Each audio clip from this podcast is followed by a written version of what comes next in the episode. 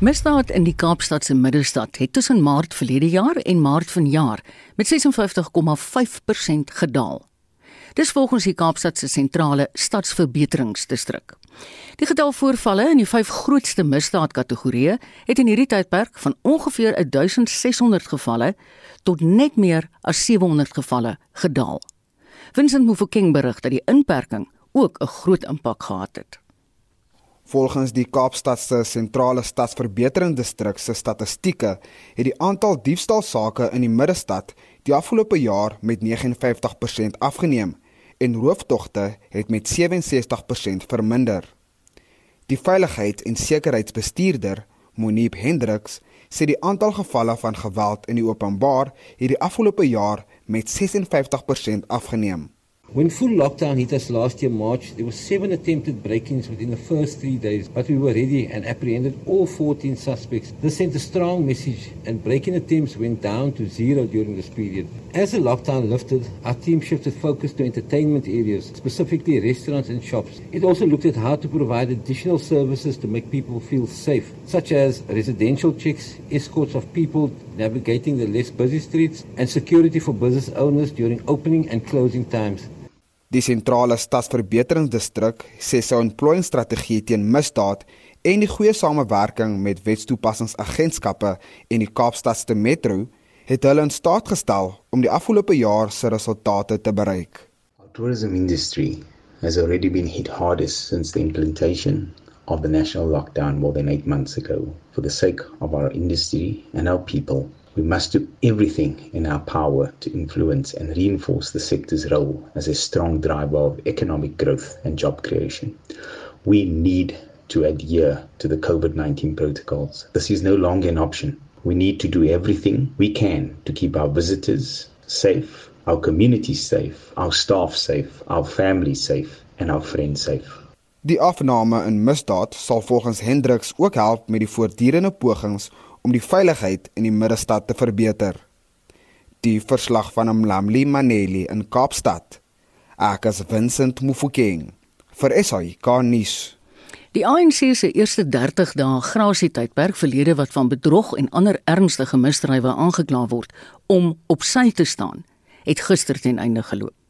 Die ANC se woordvoerder, Pule Mabe, sê die lede sal eers weet wat hulle toekoms behels na die NUK se vergadering volgende naweek. We will be having a national working committee meeting of the African National Congress on Monday at which we will receive reports from the Secretary General's office which had to do with the compilation of uh, lists of those of our members whose standing and role in the movement could be impacted upon by the decision we took in the NEC held between the 26th and the 29th of March. We'll then be going with all of that to the National Executive Committee, which starts on Saturday up until Monday. When we rise out of the National Executive Committee, the NEC will then pronounce itself on the implementation and operationalization of that decision.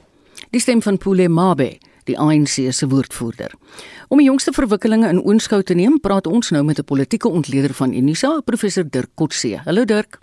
Goeiemôre Marita. Wat dink jy van die ANC se besluit om die kwessie na die NUK te verwys voordat die ek herhaal die resolusie geïmplementeer word? Wel, in 'n groot mate is hy geïmplementeer nou. Dis nou net die finalisering daarvan. Ehm um, ek dink waarvoor hulle bang is, ehm um, mm. en veral omdat dit hoë profiel persone vir uh, in insluit, is dat dit in 'n oneindige lang hofsaake gaan eindig. En ehm um, wat hulle dus moet seker maak is is dat daar is geen prosedurele aspekte wat uh, wat uitgelaat is of wat uh, nie behoorlik toegepas is nie. En ek dink wat uh, wat waaroor hulle nou sal moet besluit want dit is heel duidelik nou dat uh,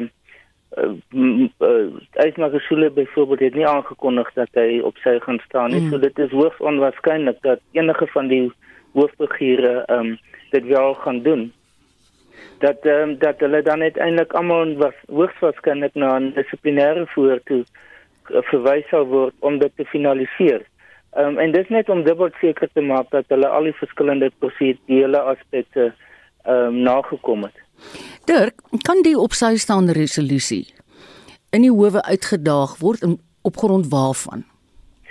Op grond van prosedurele aspekte, op grond van tot watter mate dit die uh volgens die ANC se grondwet uh, nagekom is sowel as die nasionale grondwet. Mm. Um, so dit gaan nie noodwendig oor die meriete van die saak nie. Dit is dit gaan eerder oor die prosedurele aspekte daarvan en okay. baie dikwels het die ANC of die regering in die verlede het hulle hofsaake verloor nie op grond van die meriete nie maar presies op die prosedurele aspekte. So ek dink hulle het oor tyd redelik geleer hoe om dit um, te te verhoed dat dit die, uiteindelik die die belangrikste hindernis gaan word.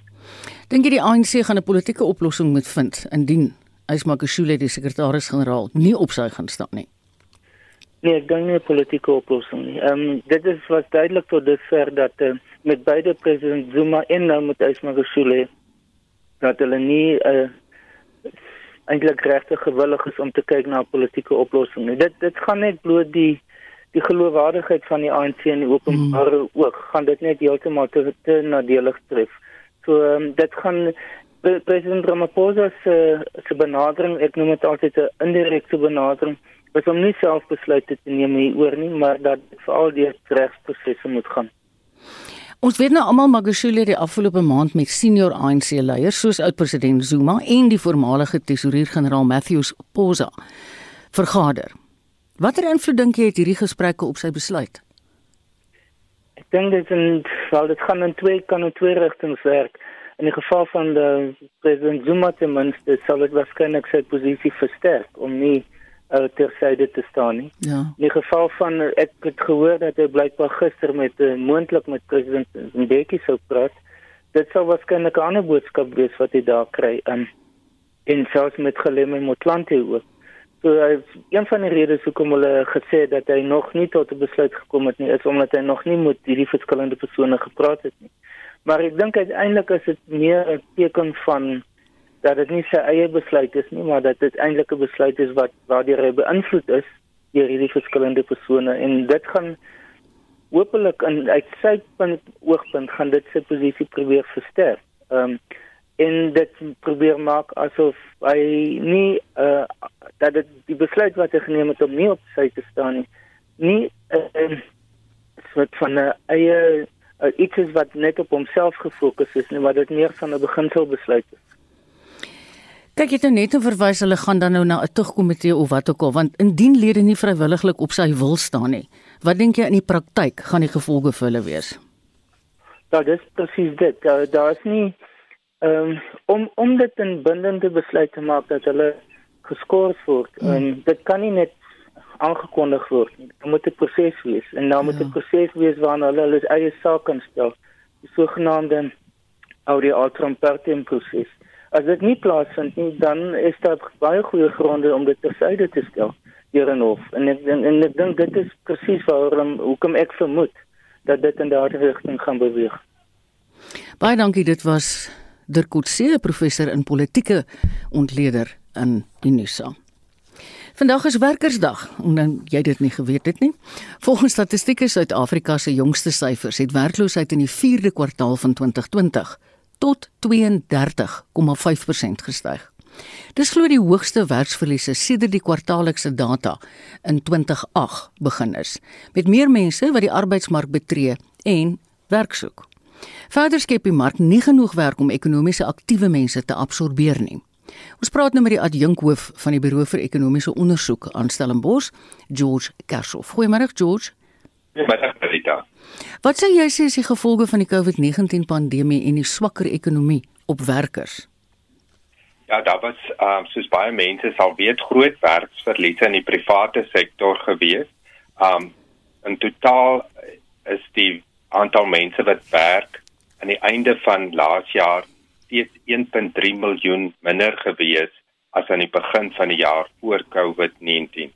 Ehm um, so dit is om 1.3 eh, beteken miskien nou nie veel vir mense nie, maar dit is um, um, tussen 1 en 2 uit 10 mense wat nog steeds nie 'n werk het nie. En um, van die mense het um, die werkloosheid, die wat nou aktief soek na hmm. werk het met 'n half miljoen toegeneem. Ehm um, die res het ehm um, eintlik jy weet ehm um, hulle het moedeloos gebly. Hulle soek nie eers meer na werk nie en 'n klomp mense het um heeltemal onttrek uit die arbeidsmark. So hulle het byvoorbeeld in baie gevalle um vroue wat nou maar by die huis bly en hulle kinders oppas of jong mense wat nie kan werk kry nie, hulle het nou maar besluit om verder te studeer. So uh maar in totaal 1.3 miljoen mense het hulle werk verloor mm. en dan die ander groot impak is natuurlik die inkomste verliese gewees. Mm. So vir al daai maand die tweede kwartaal uh basies maar April en Mei toe die ekonomie totaal um afgeskakel is. Um ek het gaan kyk en dit is omtrent um 16 miljard rand se inkomste wat um huishoudings uh verlore gegaan het. Nou dit het weer teruggekom. Um teen die einde van die jaar was huishoudelike inkomste dieselfde vlak as voor COVID-19 en die en die inperking, maar daai 16 miljard dit is weg. Dit ja. Wat ontbreek in die Suid-Afrikaanse ekonomie? Ja, ek sou sê die ehm um, belangrikste ding is ekonomiese groei.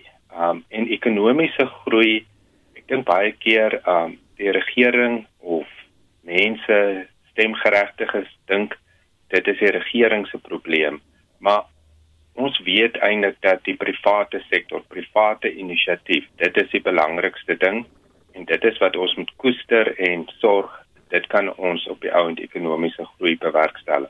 Nou natuurlik ons verhoudings met die res van die wêreld as ons ons minerale en goed kan uitvoer, ons ehm um, goeie landbouprodukte en dan hopelik eendag as almal ingeënt is en dinge keer terug hmm. na normaal dan um, om toeriste hierso te ontvang. Dis dink ek klein sake ondernemings kan 'n belangrike rol speel om werk te skep. Ja, dis 'n interessante vraag Marieta want ek dink baie mense dink dit is ons groot um jy weet 'n uh, ding wat ons koppe gaan deurkry maar mens moet verstaan wat hulle hier bedoel met klein sake ondernemings. Dit is individue amper wat uh, entrepreneurskap het of eie inisiatief het om iets te begin te doen. Dit is die persoon wat uh, begin in die boubedryf of uh in die kleinhandel en regtig iets doen. So dit is amper individue. Dit is mm. nie 'n klein besigheid mm. wat ander mense aanstel nie. As ons praat van mense wat aangestel word, dan is dit nog maar steeds in Suid-Afrika se konteks um groot besighede wat mense aanstel. Ja. En dan natuurlik bly die staat 'n belangrike werkgewer. Mense nou dink aan die onderwys, die gesondheidswerkers, die polisie, almal belangrike um funksies. Mense wil natuurlik minder mense hê wat in administrasie sit en die um jy weet die indruk skep dat hulle daar sit en niks doen nie. Mm. Maar um ek moet sê in vergelyking met ander lande op dieselfde vlak as Suid-Afrika het ons besonder min van hierdie uh, inisiatiewe van individue wat iets beginne doen. Jy kry groot hoeveelhede mense wat eenvoudig as hulle nie werk by 'n ander besigheid kry of van die staatsdienste dan eerder um, by die huis bly en mm. mense weet nie hoekom dit so is nie.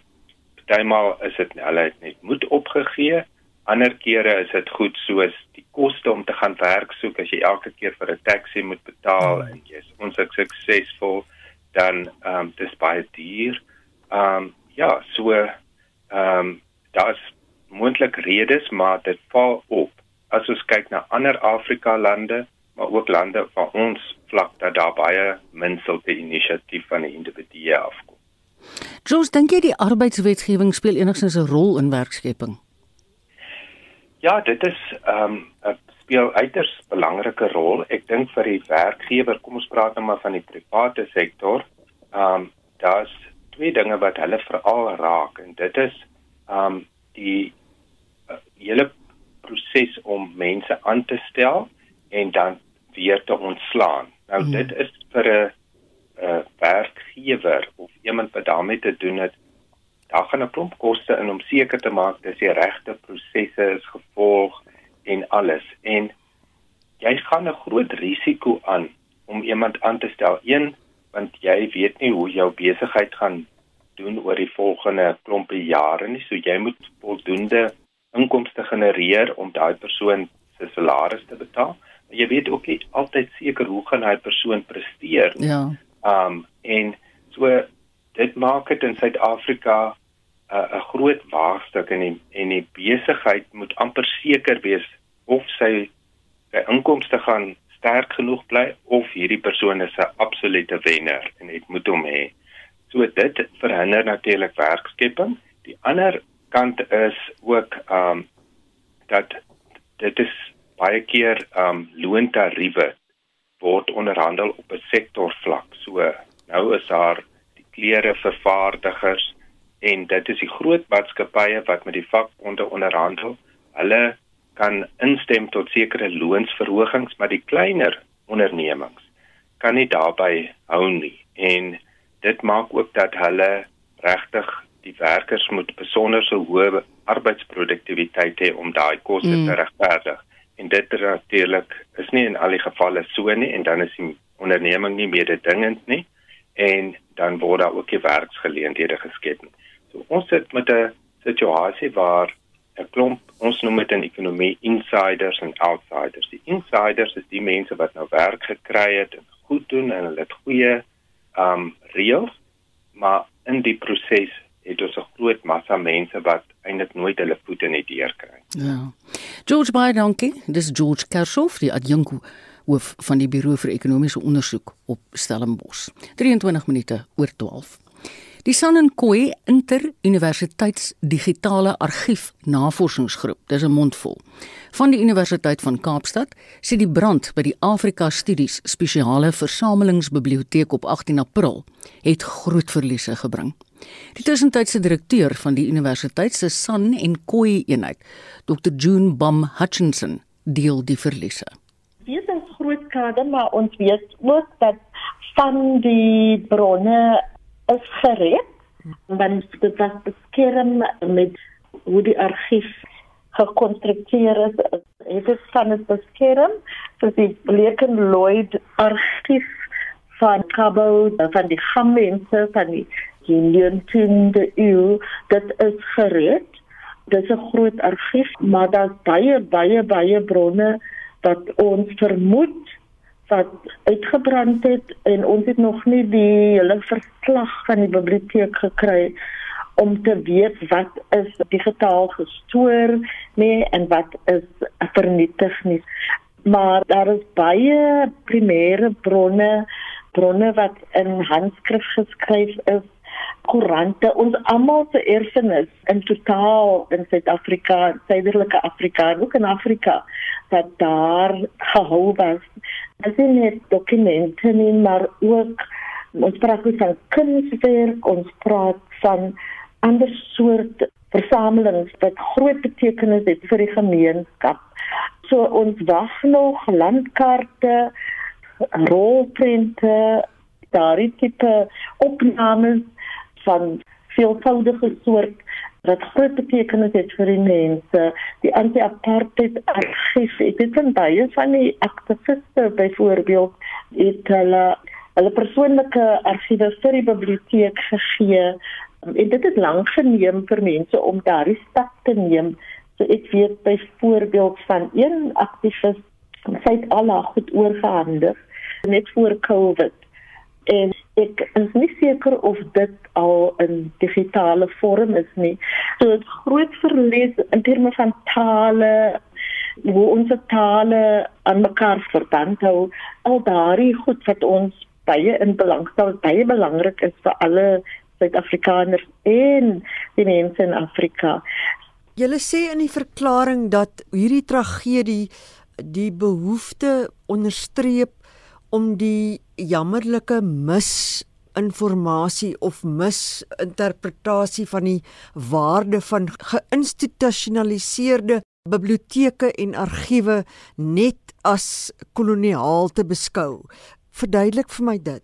Ja, ek dink dit is 'n baie belangrike aansie wat ons het want daar is ek dink veral in 2015 in selfs voor dit was daar die wanindruk dat as iets 'n druk is of as iets in Europa geskryf is of iets is deur iemand geskryf wat die swart is nie en dit is 'n uh, institusie dan moet dit afgebrand word dit moet vernietig word dan is koloniaal. En dit is eintlik wanopvoeding en is 'n wanindruk en ons probeer dit regstel deur ons eie opvoeding en ons uh, programme en kursusse want dit is alles opvoedkundig en 'n sekere geletterdheid wat uh, ons moet bevorder en aanmoedig dat die jong mense kan verstaan dat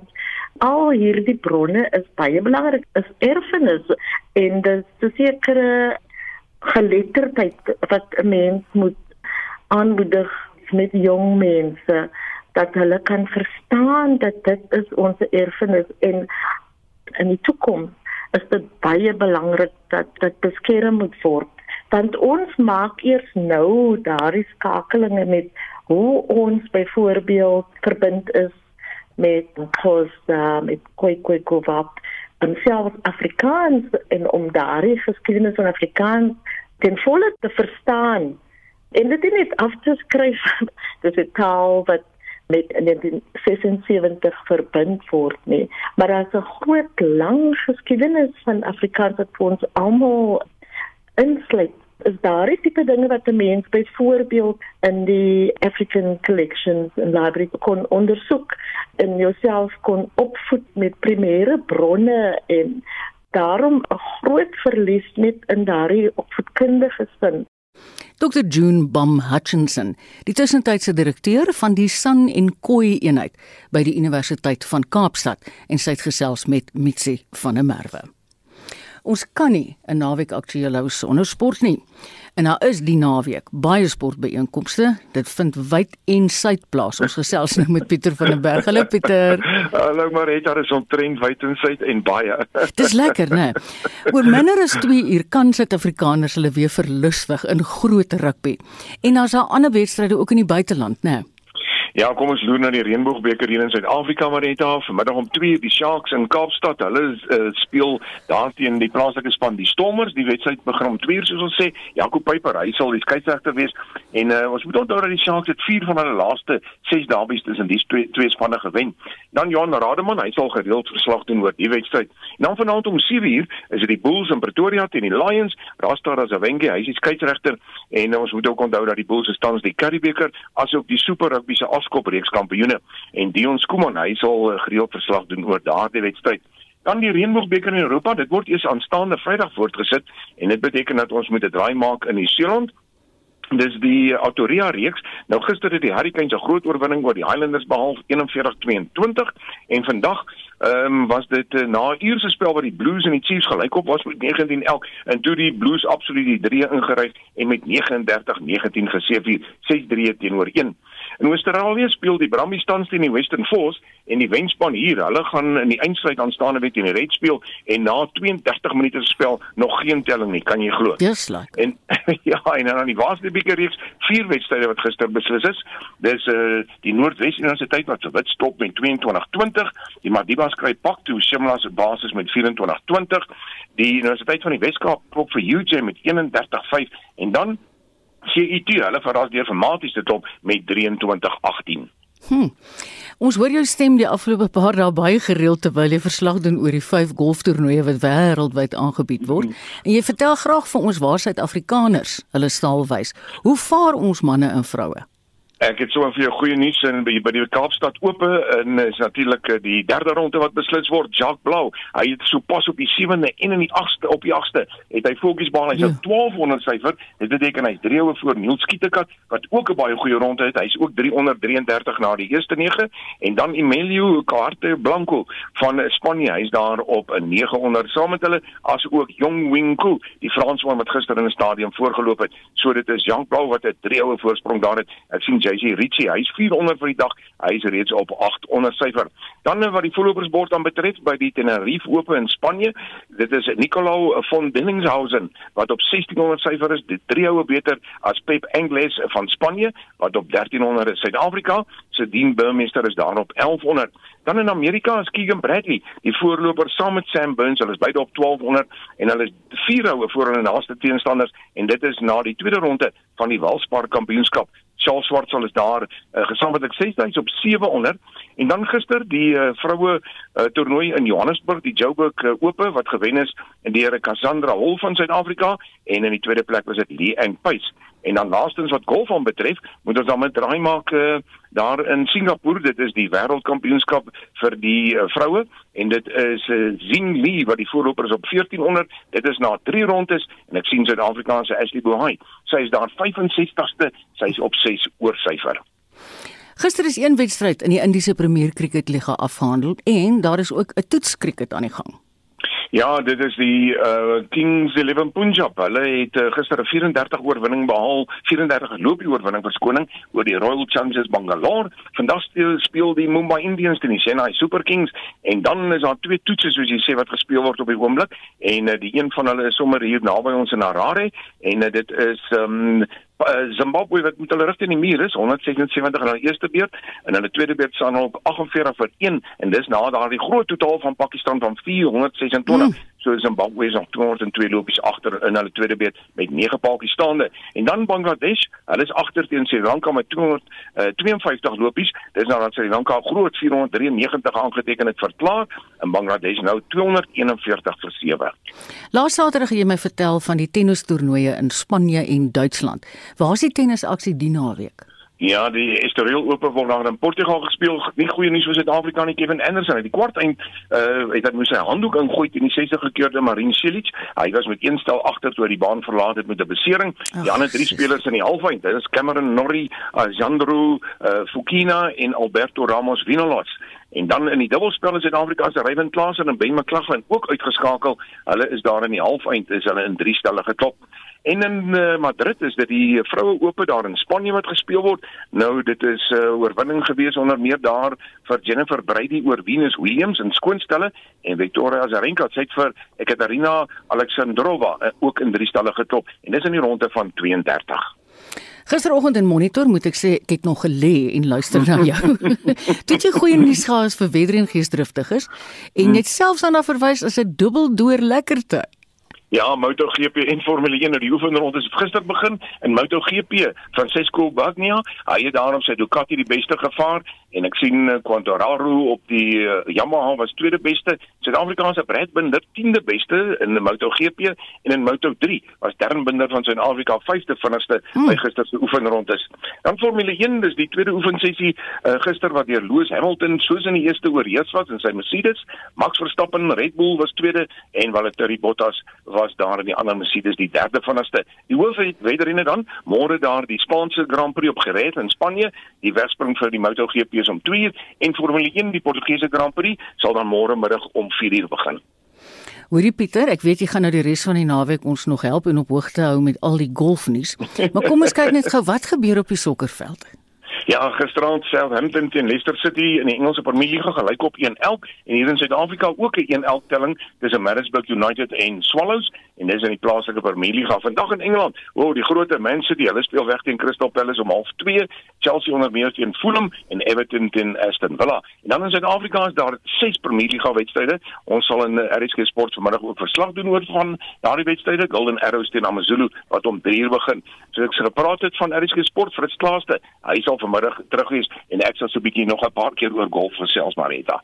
Sterkte vir al daai golfoorskakelings. Ek moet jou sê gistermiddag het ons vir Magdalene Kreer afgeskeid van die vertrek by RSG, maar ek het uh -huh. iemand lanklaas so hard sien werk soos jy. Ek meen Pieter kan sy oë nie afhaal van sy iPad nie, want hy moet die hele tyd kyk wat gaan aan met die golf. Dis ongelooflik. Sterkte Pieter, hoor en dankie vir jou harde werk. Goed, Marita. Dat Pieter van den Berg van RSG Sport. Die sewe-malige Formule 1 kampioen van hom het nou gepraat, Lewis Hamilton. Sê sosiale media maatskappye moet meer doen om rasisme en boeliegedrag op hulle platforms te stuit. Verskeie Britse sportbeheerliggame en spelers het hulle sosiale media rekeninge vir die naweek afgeskakel.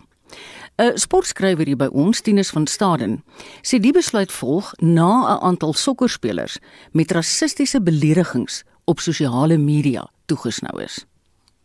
En sedertdien het die beweging en die standpunt wat hierdie sokkerverenigings ingeneem het ongelooflik baie stoom opgetel met die Engelse cricketvereniging, die Engelse rugbyvereniging, die Premier League rugby, selfs UEFA sokker, die Engelse tennisvereniging, fietsryvereniging, basketbalvereniging, perdewedrenvereniging, selfs die veerpyltjie vereniging met hulle hierby geskaar en, en gaan hulle daarbey aansluit. En ook nou is daar 'n paar uitsaaiers soos BT Sport, Talk Sport, Sky Sport, The Mirror wat hulle ook skaar hierby en ook hulle sosiale media rekeninge gaan sluit van Vrydag vir 3 uur tot Maandag 'n minuut voor middernag. Die Engelse cricketster Geoffrey Archer was verlede jaar byvoorbeeld 'n teken van rasisme op sosiale media platforms. Dit is iets wat gereeld gebeur want dit is baie maklik om op Twitter 'n rekening te gaan skep met 'n vals naam sonder 'n foto. So jy daar's mense wat agter hulle anonimiteit skuil en dan ledig lelike aanmerkings toesnou aan veral prominente sportmense. Daar is ook 'n pleidooi dat die Britse regering aanlyn sosiale wetgewing moet verseker om aanlyn aanvalle Eh, so te probeer hokslaan. Hoe maklik of moeilik dit gaan wees, dit is nou 'n ander kwessie of dit gaan gebeur. Twitter het ook tot die gesprek getree Twitter en Facebook en albei het gesê hulle veroordeel natuurlik rasisme en diskriminasie aanlyn. Hulle probeer dit hokslaan, maar dit is nie so maklik nie. Twitter het byvoorbeeld gesê hy het oor die miljoene tweets die afgelope paar weke gehad oor sokker en hy het 7000 daarvan kon uitwis en dan mense mense wat hulle skuldig maak aan sulke gedrag se rekeninge kon sluit soos die, die Suid-Afrikaanse sportskrywer Tinus van Staden. In ons weeklikse motorrubriek bespreek Wessel Pretorius 'n luisteraarsbrief.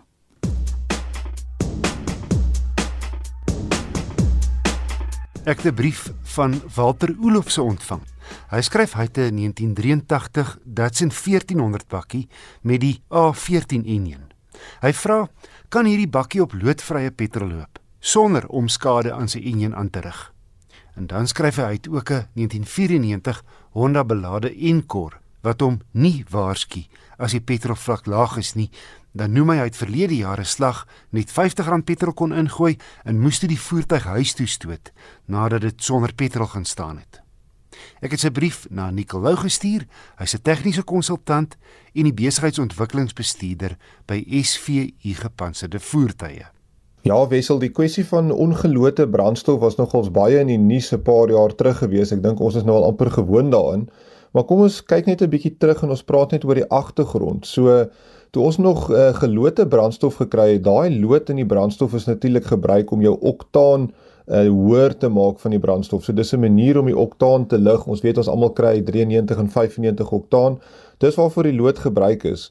Maar wat die lood ook gedoen is, dit was eintlik 'n baie goeie smeermiddel tussen die klep en die klepbedding of in Engels noem ons die valve seat.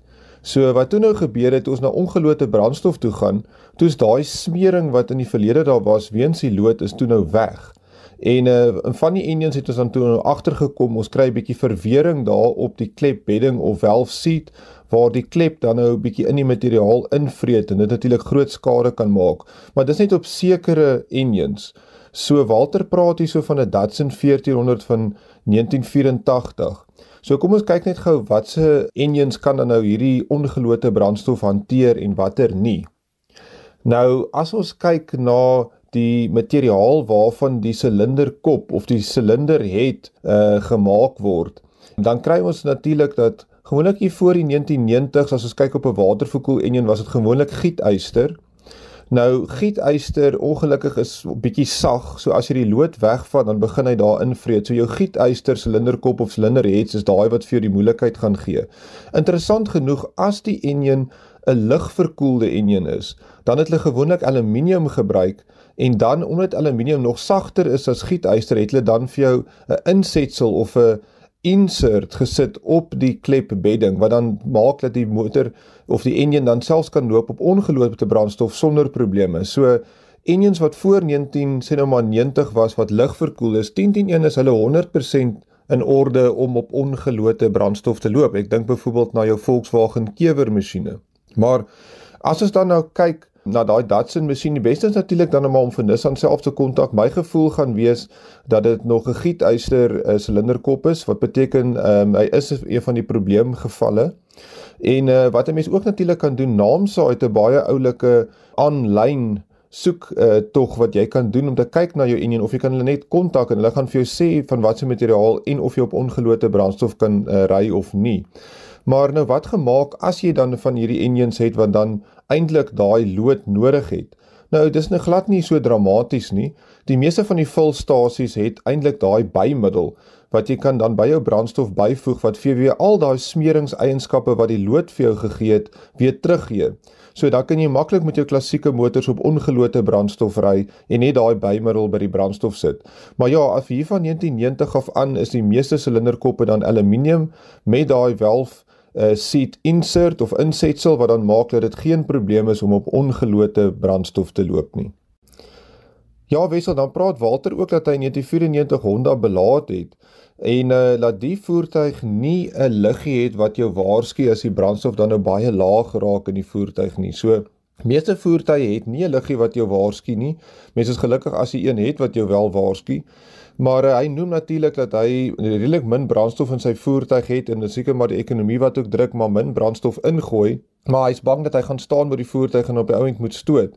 So wat moet 'n mens dan maak? So my gevoel is moet nooit te min brandstof in jou voertuig hê nie. Dis in elk geval nie 'n goeie gedagte nie, veral as daar sien nou maar 'n noodgeval kom, jy moet vinnig ergens heen kom, dan moet jy nou eers stop vir brandstof.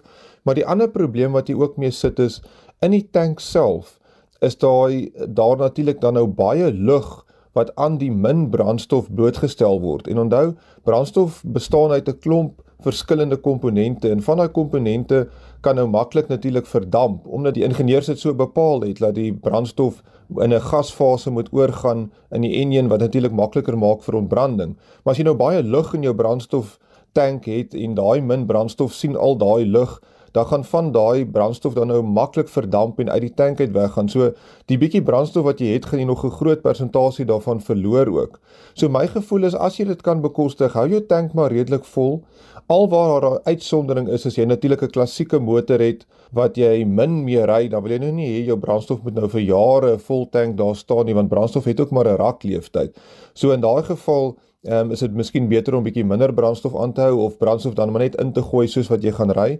Maar vir jou algemene voertuig wat jy elke dag gebruik, kyk maar of jy die tank van half af boontoe kan hou. Uh ek weet dit is nie altyd moontlik nie.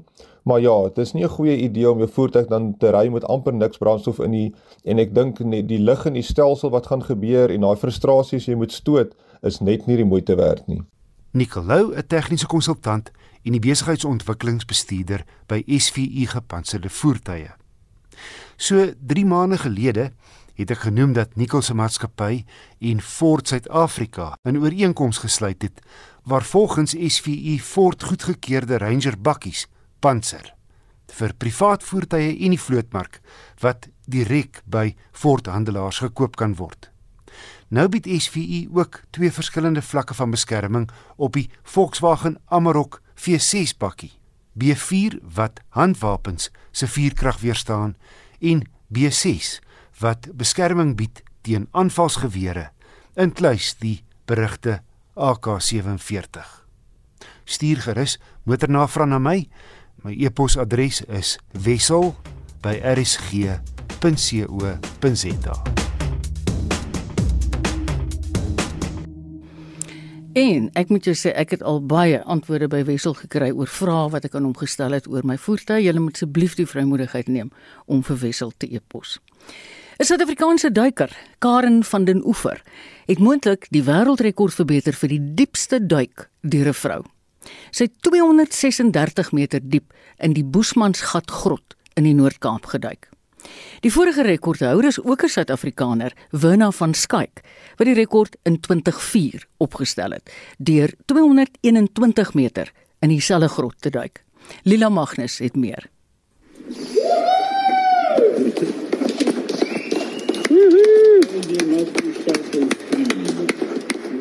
Verligting en vreugde het deur Karen van den Oewer se ondersteuningsspan gespoel toe sy die oppervlak by die Boesmansgrot in die Noord-Kaap na 7 ure en 18 minute bereik het. In haar hand was die 236 meter kaart wat sy uit die donker dieptes van die grot gaan haal het. Wat haar heel moontlik die nuwe rekordhouer vir die diepste duik deur 'n vrou maak it's taken a while to sink in. I think some people still say to me, Do you realize you're a world record holder? And I'm like, Well, I don't think it's really sunk in. I mean, this is just it's been almost a lifelong dream, but it was almost just like another dive. You know, and breaking the record was just a bonus added on to that. Dit het van den oever 15 minute geneem om tot op 236 meter te duik waar daar geen geluide of lig is nie. It is quite scary, but I think it's a mindset. You have to sort of psychologically train your mind to to deal with those um circumstances that you find yourself in. And obviously you carry enough light. So I have more than one torch. Sy het beplan om tot op 250 meter te duik, maar besluit om by 236 meter om te draai wat heel moontlik haar lewe gered het omdat haar voete in 'n stuk lyn verstrengel begin raak het. At 236 meters I unclipped the tag on the line and clipped it onto myself. And then I started inflating my buoyancy compensators which should have lifted me to start coming back up, but I inflated them and nothing happened. So I must say that's when I started getting quite concerned that I should be moving up, but nothing's happening. So I started trying to pull myself up on the line and trying to fin up. But unfortunately, at those depths, doing any kind of exertion is actually very dangerous because of the density of the gas that you're breathing. So, because of that, I got a bit of hypercapnia, carbon dioxide buildup, and started hyperventilating. Um, and I really, really struggled to catch my breath. Van den Oever het daarin geslaag om uit die grot dieptes na te reis en kon op 211 meter die lyn van haar voete afkry. It was very, very frightening. I think it was one of the closest calls I've ever had in my diving career, and that has really scared me. Sy het 27 suurstofsilinders gebruik terwyl sy meer as 7 uur geneem het om by die grot se oppervlak uit te kom. Van den Oever sê dit het jare se voorbereiding, 'n span van 15 duikers en harde werk om haar ongemaklikheid om in grotte te duik te oorkom gekos voordat sy kon probeer om die rekord te breek. I'm not sure why I wanted to do it. I think it maybe started off as a bit of a um you know, I'll show you that I can do this. But I think over the time it's developed into much more than that. It's been about a personal journey, you know, of learning and growth and having to better myself to get to the point where I was able to tackle this record. Sy het al die inligting na die Guinness Wêreldrekord kantoor in Londen gestuur om te verifieer. Sy verwag die uitslag teen Junie, maar intussen is sy tevrede met die wete dat sy die bestaande rekord met 15 meter verbeter het. Ek is Lila Magnus vir SAK nuus in Pretoria. Ek haal my hoed vir Karen af. Baie baie geluk. Jenning 7 uur en soveel suurstofbottels heuning. Hierdie week is dit 46 jaar sedert die Fokstraat beleg by die Israeliese konsulaat oorkant die Carlton sentrum in Johannesburg deur die polisie beëindig is. Twee mense is doodgeskiet en 'n 24-jarige Israeliese burger, David Potter, is in hegtenis geneem en later tronkstraf opgelê.